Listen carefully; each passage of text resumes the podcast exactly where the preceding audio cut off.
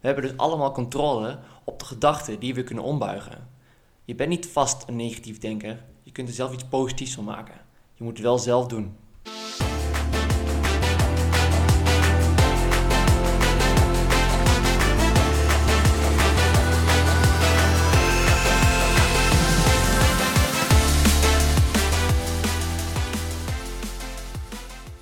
Stel je voor, je staat voor een belangrijke beslissing in een wedstrijd. Ga je over je grens of blijf je in controle? Wat doe je?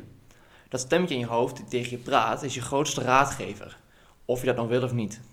Dat stemmetje maakt of breekt keuzes. Ga je door of stop je? Geef je toe of weersta je de verleiding?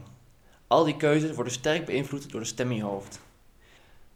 In mijn sport kom ik dat stemmetje geregeld tegen. Als ik bijvoorbeeld een zware training doe, ik ben diep aan het gaan, mijn lichaam brandt van de verzuring. Ik moet nog 10 minuten volle bak gaan. Dan komt die stem steeds weer harder schreeuwen. Je houdt het niet vol. Dit doet veel te veel pijn. Het tempo is veel te hoog. Je gaat helemaal stuk. Het is nog zover, je kan dit niet. Allemaal informatie waar ik op dat moment totaal niet op zit te wachten. Door een aantal trucjes heb ik geleerd om daar veel beter mee om te gaan. Tegenwoordig laat ik me niet snel meer van de wijs brengen. Sinds een paar jaar haal ik juist energie uit. Ik weet die stem om te draaien en mij te motiveren in plaats van tegen te houden. Maar waarom is die stem er? En hoe pak je die stem aan? En wat kan je ermee? Daar ga ik het vandaag over hebben. Voor mij is self-talk een belangrijk onderdeel om grenzen te kunnen verleggen. Maar wat is self-talk? Self-talk betekent letterlijk praten tegen jezelf of jezelf toespreken. Iets wat ik dus geregeld moet doen in mijn eigen trainingen. Gemiddeld heeft een volwassen mens zo'n 70.000 gedachten per dag. Die niet allemaal even belangrijk zijn, maar die, die stem hoor je dan toch regelmatig in je hoofd. Dit begint vanaf ongeveer je derde levensjaar. Je begint dan tegen jezelf hardop te praten. Je coacht jezelf tijdens moeilijke opdrachten met puzzels of knuzzelstukjes. iedereen weet wel dat kleine kindje die in de hoek tegen zichzelf zit te brabbelen. Nou, vanaf je zevende gaat het langzaam maar zeker automatisch naar je hoofd. Je automatiseert dat. Vanaf dat moment ontwikkel je ook de stem in je hoofd en hoe die klinkt. Is die opbeurend of juist afkeurend? Dit wordt beïnvloed door je directe en indirecte omgeving. Je ouders, leerkrachten, vriendjes of vriendinnetjes. Self-talk komt vooral voor in stressvolle situaties waarin tussen aanhalingstekens gepresteerd moet worden. Bijvoorbeeld in mijn situatie als ik een wedstrijd moet doen of een training. Je gaat voor de winst en je, je ligt aan de leiding en toch voel je de nummer 2 steeds dichterbij komen. Hoe ga je daarmee om? Welke type self-talk heb je nou eigenlijk? Nou, je hebt verschillende typen, maar toch ga ik er volgende aan te noemen. Het zou moeten denken. Zoals hij moet wel op tijd komen, anders is hij echt niet in mij geïnteresseerd. Of de toekomst negatief voorspellen. Bijvoorbeeld, ik denk dat het niks wordt met die baan. Ik blijf vast nog jaren werkloos en dan moet ik uit geldnood mijn huis uit. Of gedachten lezen. Bijvoorbeeld, ze zei hem niet eens gedag. Volgens mij zag ze mij niet eens. En zwart-wit denken, zoals ik ben hier niet goed in, ik leer het nooit. Een etiket plakken door bijvoorbeeld ik ben een mislukkeling in plaats van ik maakte een fout. Overdrijven na één negatieve gebeurtenis als een patroon zien. Ik word toch altijd afgewezen. Zelfverwijt, jezelf verwijten maken over iets wat je niet of maar deels verantwoordelijk voor bent. Mentaal filteren van een neutrale of positieve ervaring iets negatiefs maken. Zoals ze zegt wel dat het een leuke avond vond, maar waarom ging ze dan zo vroeg naar huis? En tot slot, emotioneel redeneren. Gedachten baseren op hoe jij je voelt. Ik voel me minder waardig, dus dat ben ik dan ook. Je hebt dus niet één type, er komen vaak meerdere door je hoofd spoken. En ook nog eens in combinaties. Voor mij vroeger kwam emotioneel redeneren vaak voor. Als ik me slecht voelde, dan dacht ik ook dat ik echt slecht was. Dat ik slechte benen had, dat ik niet vooruit kwam, dat tempo allemaal bagger was. En dat belemmerde mij erg in mijn presteren. Later kon ik dat herkennen en schoof het van mij af. Dat was een gevoel in plaats van dat ik daadwerkelijk ben. En dat maakte mij als sporter veel sterker. Maar waarom is het jezelf toespreken zo belangrijk? Mensen met depressie, angst of die juist perfectionistisch zijn, hebben vaker een negatieve stem die hen toespreekt.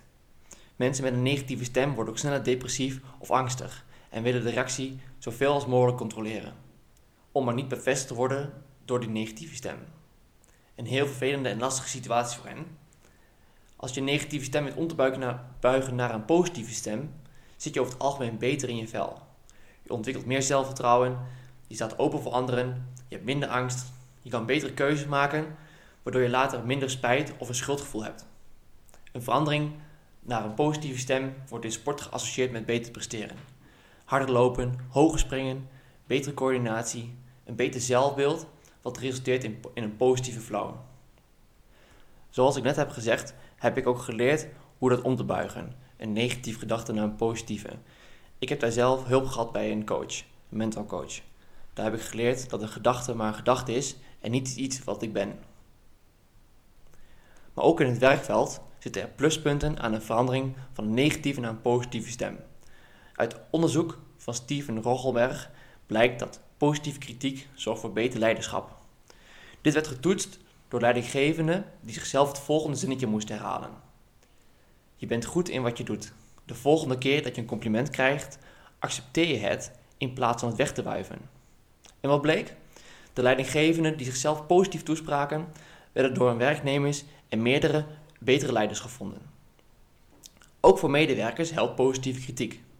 Zij gaan beter presteren, kunnen beter doorzetten, verbetert hun focus en verhoogt de effectiviteit en productiviteit van hun werk. De mensen krijgen een beter zelfbeeld en meer zelfvertrouwen. Maar hoe krijg je die innerlijke stem zo ver dat hij of zij jou voortaan motiveert en coacht in plaats van afkraakt? Misschien denk je gewoon: ik moet positief denken. Ik kan dat. Ik denk dat. Ik durf dat en ik ga ervoor. Uit onderzoek uit Canada bleek dat heel anders te werken. De ik-vorm helpt alleen bij mensen die al zelfvertrouwen hebben of bij een positief zelfbeeld. Bij een negatief zelfbeeld versterkt het toespreken van de ik-vorm de negatieve gedachten over jezelf. De gedachten werken je als averechts. Je voelt je minder goed door als je zelf vertelt in de ik-vorm. Het wordt ongeloofwaardig. Maar wat werkt wel? Uit onderzoek van psycholoog Ethan Cross van de Universiteit van Michigan blijkt dat je zelf bij naam moet aanspreken om het geloofwaardig te maken. Degene die een voornaam gebruikten, presteerde beter tijdens een speech. En als bonus piekerden ze achteraf minder over hoe ze het gedaan hebben. Dus in mijn geval, Daan, het inspreken van een podcast, dat kan jij.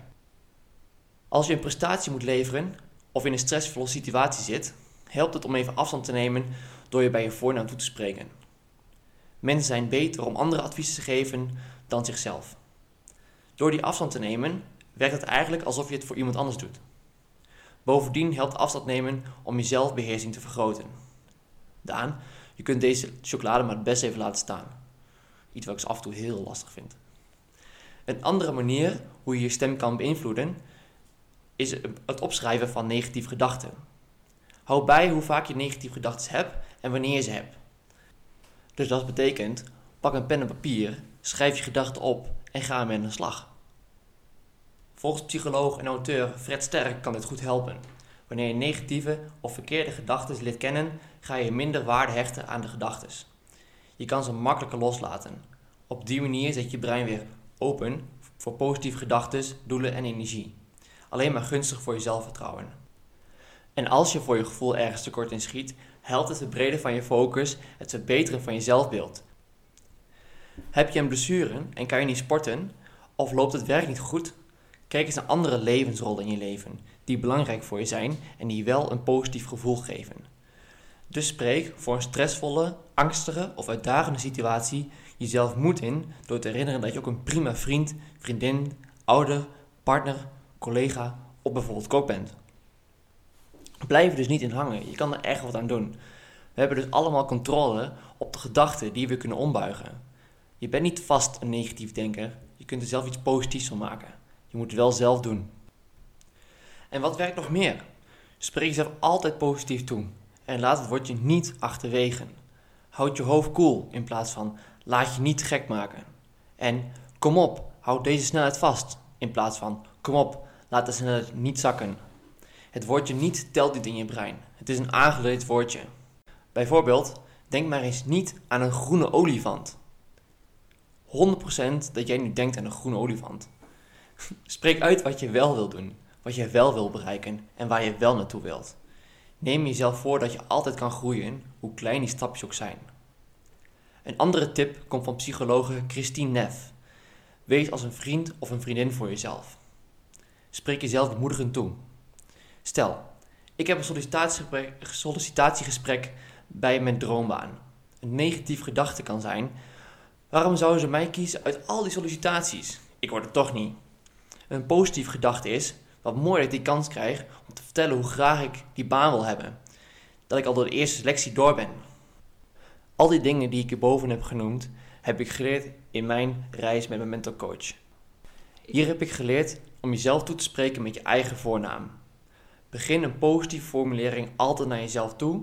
Schrijf negatieve gedachten op en buig ze om naar positieve gedachten. Wees als een vriend of vriendin voor jezelf en verbreed de kijk naar jezelf. Je bent veel meer dan het ene kleine stukje wat even niet lekker gaat. Heb je veel moeite mee of zie je het alleen niet zitten? Vraag om hulp. Vraag een mental coach, een psycholoog of een vertrouwenspersoon. Als je vraagt om hulp, zijn er altijd mensen klaar die je willen helpen. Voor nu wil ik jullie heel erg bedanken voor het luisteren naar deze podcast. Volgende week komt een nieuwe podcast online met Sander Nieland, waar ik het met hem ga hebben over vrijheid, topsport en zelfontplooiing. Tot volgende week.